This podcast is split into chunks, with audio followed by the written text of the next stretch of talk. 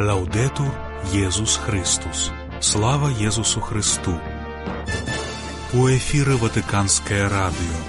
Навіны з апостальскай сталіцы па-беларуску.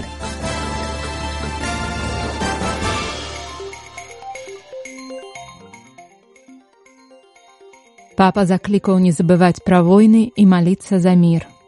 Кардынал Гешот прыняў удзел у другім сусветным саміце па талерантнасці і чалавечаму братэрству. У другой частцы праграмы наша рубрыка веру, ведаю, разумею.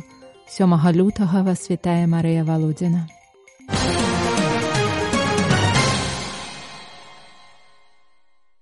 Падчас агульнай аўдыенцыі, якая прайшла сёння ў Ватыкане, францішак заклікаў адрозніваць смутак, які вядзе да навяртання ад смутку які становіцца прычынай роспачы і эгаізму.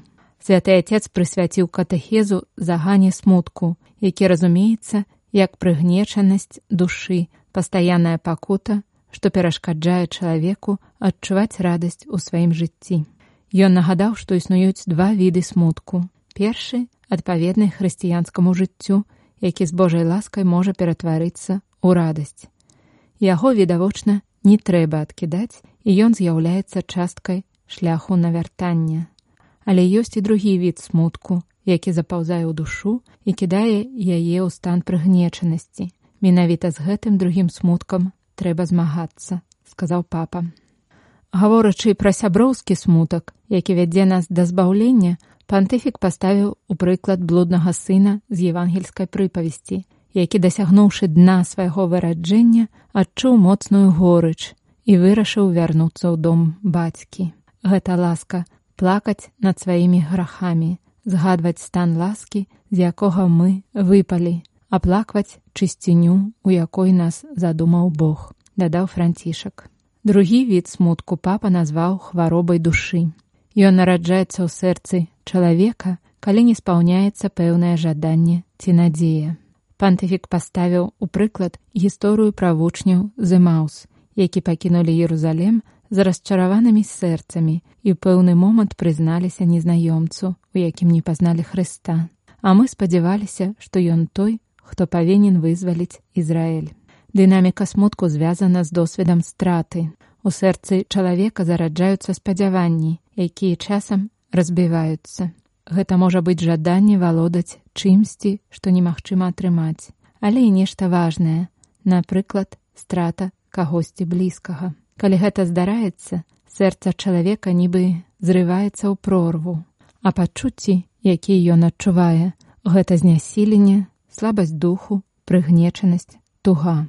Усе мы перажываем выпрабаванні, якія спараджаюць у нас смутак, таму што жыццё дорыць нам мары, якія потым разбіваюцца ўшчэнт.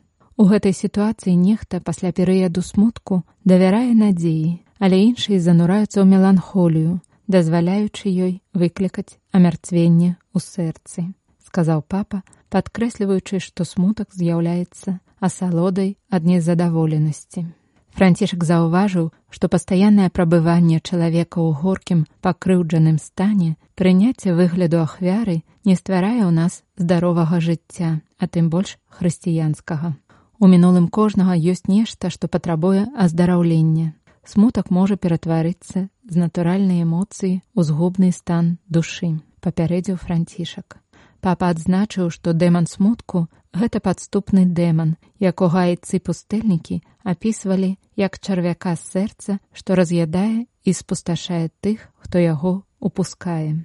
Мы павінны быць уважлівымі да такога смутку і думаць пра тое што езус прыносіць нам радасць у васкрасення сказаў святы отец заклікаючы заўсёды аналізаваць прыроду ўласнага смутку і памятаць што ён можа прывесці да песімізму і эгаізму які цяжка вылечыць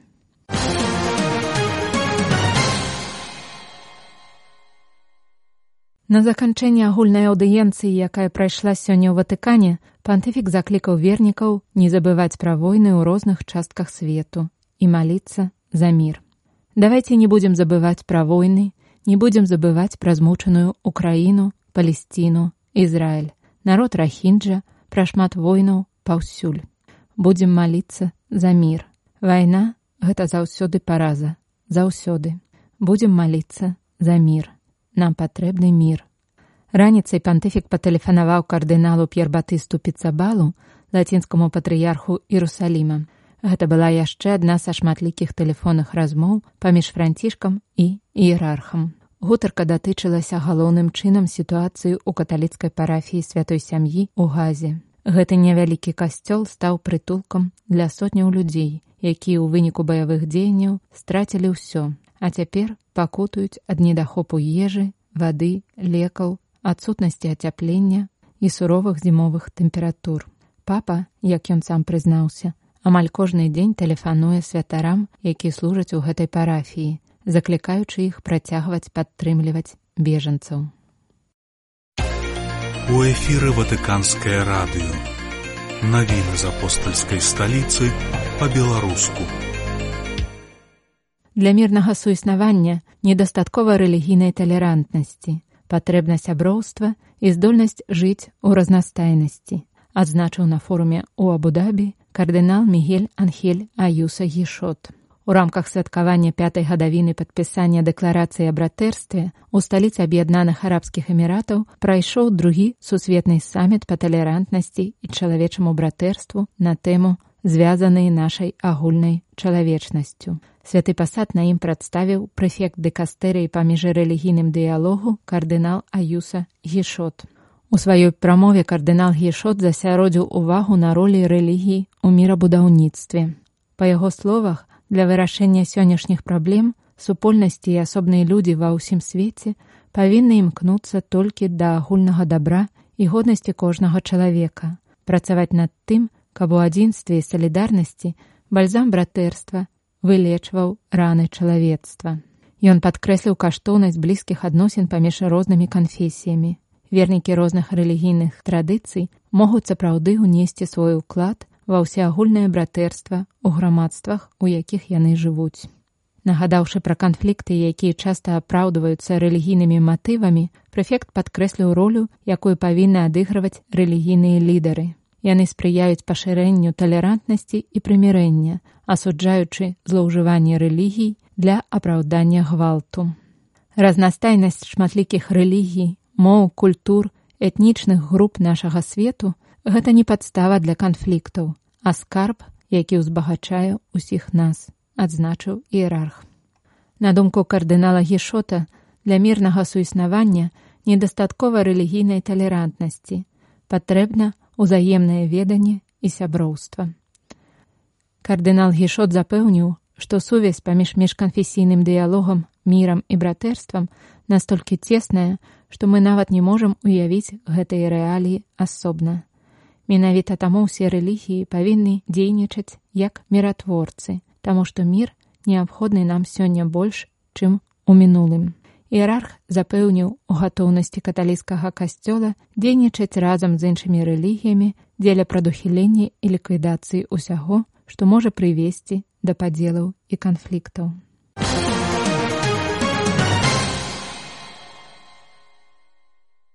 Учора ў базіліцы святого Пятра прайшла імша з нагоды адкрыцця міжнароднай канферэнцыі па бесперапыннай адукацыі святароў, арганізаванай дэкастэрай па справах духавенства. Святую імшу узначаліў кардынал дзяржсакратар П'етра Паралін. У гамілі ён выказаў падзяку святарам, якія штодня прапануюць сваё жыццё, ахвяруючы сябе дзеля справы Евангеля, часам у пакутуючай адзіноце неразумення. Кардынал Паралін адзначыў, што ў некаторых кантэкстах Многія святары адчуваюць абыякавасць або нават варожасць пераследу, аднак працягваюць несці ў сваім сэрцы здзіўленне веры, якая кожны дзень адраджаецца ля крыніцы любові Езуса, а затым цячэ і распаўсюджваецца як жывая вада падчас ажыццяўлення пастырскага служэння. Дзярсакратар падкрэсліў, што святар гэта вучань, які адправіўся ў падарожжа ўслед за панам. Радасна вітаючы яго пакліканне, ён пагружаецца ў гісторыю народа Божага у якасці заступніка. Суправаджаючы даручаных яму людзей, святар становіцца для іх жывым евангелем, знакам і прыладай міласэрнай любові айца. Іерарх заклікаў святароў ісці па слядах добрага пастыра у адзінстве з біскупам і адзін з адным, прысвячаючы жыццё служэнню веры братоў і пошуку братэрства. Духавенства паклікана жыць так, як Езус, не ганарыцца прывілеяванасцю свайго паклікання і атрыманай роляй, а апускацца да параненага і прыгнечанага чалавецтва, якое мае патрэбу ў збаўленні. За нашымі навінамі вы можете сачыць на інтэрнэт-старонцы ватикан кропка бівай.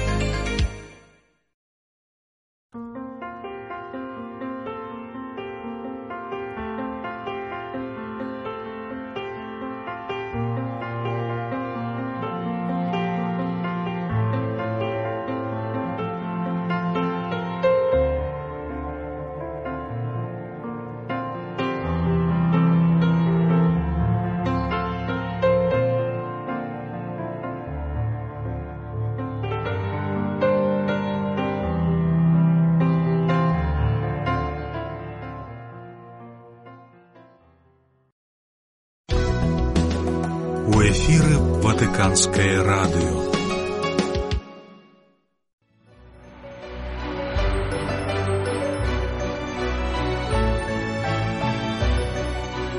Веру, ведаю, разумею.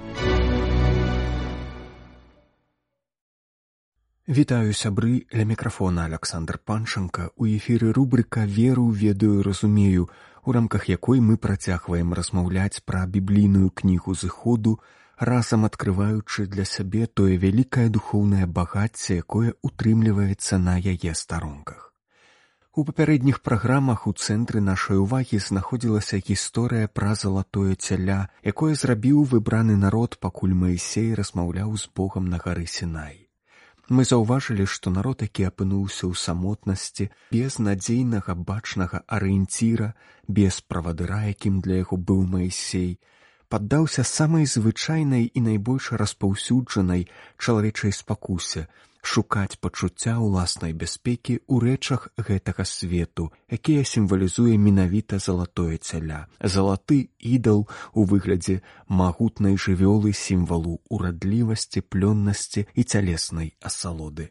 Сапраўды ўсе гэтыя рэчы могуць мець вельмі вялікую ўладу над чалавекам, могуць стаць гаспадарамі чалавечага сэрца, гаспадарамі дэспатычнымі, якія занявольваюць чалавека Што адбываецца далей? Пра гэта мы чытаем у трыццаць другім раздзеле кнігі быцця пачынаючы сёмага радка. Тады сказаў пан Маісею: ідзі спускайся, спракудзіўся народ твой, які вывеў ты з зямлі егіпецкай. Звярнулі хутка з дарогі, якую я ім паказаў, і зрабілі сабе цялялі тое і пакланіліся яму, прыносячы ахвяры і сказалі: гэта багі твае Ізраіль, якія вывелі цябе з зямлі егіпецкай. Таксама сказаў пан Маісею: бачу, што народ гэты цвёрдага карка. Пакінь мяне, каб разгарэлася абурэнне маё супраць іх і каб я знішчыў іх, а з цябе зраблю вялікі народ. Пан цудоўна ведаў пра тое, што здарылася ля падножжа сінаю ў адсутнасць Маісея. Ён дакладна апісвае сітуацыю, кажа, што народ хутка звярнуў з дарогі, якую ён яму ўказаў. Гаворка ідзе пра тое, што народ пайшоў у памылковым напрамку.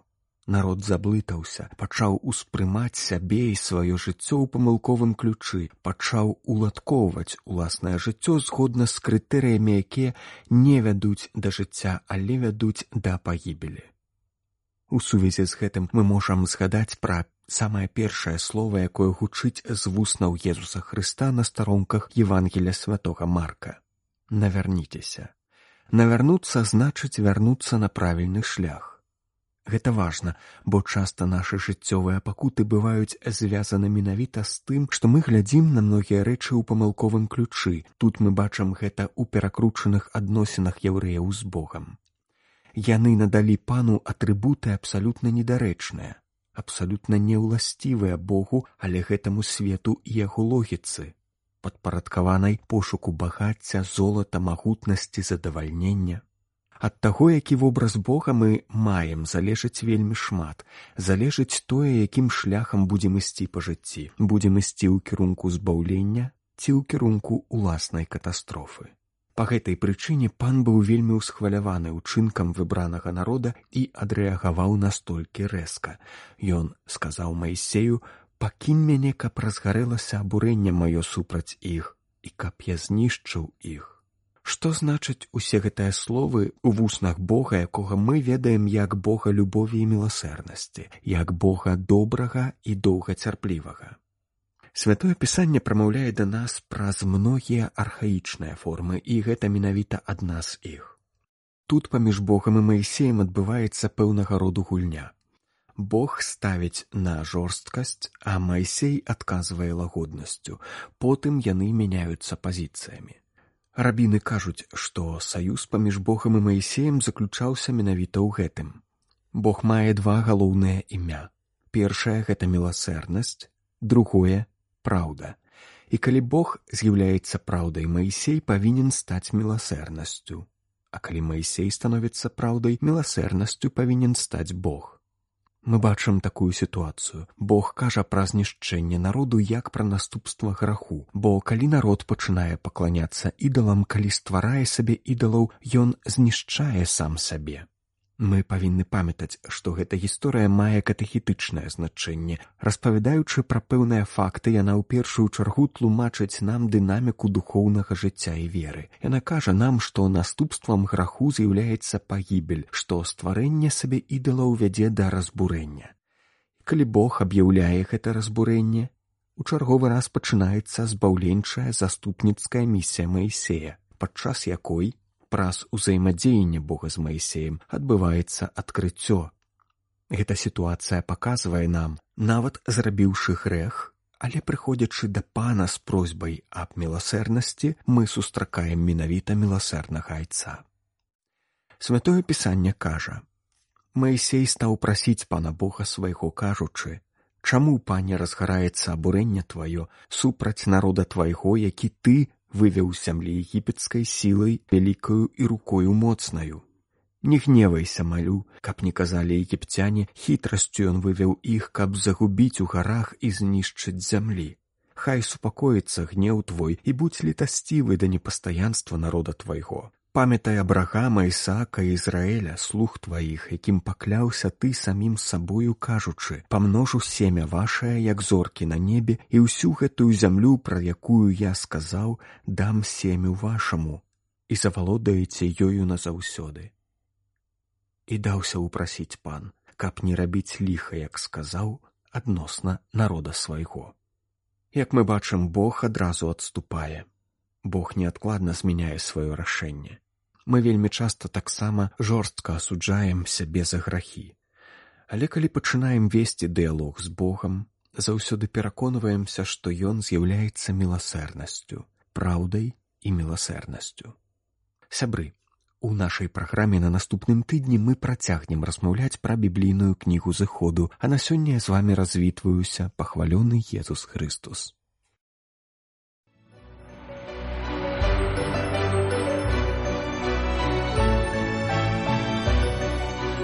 Веру, ведаю, разумею. Вы слухали беларускую праграму ватыканскага радыё. За нашымі навінамі вы можете сачыць на інтэрнэт-старонцы ватикан кропка бівай. Слава Езусу Христу! Лаўдету Езус Христус!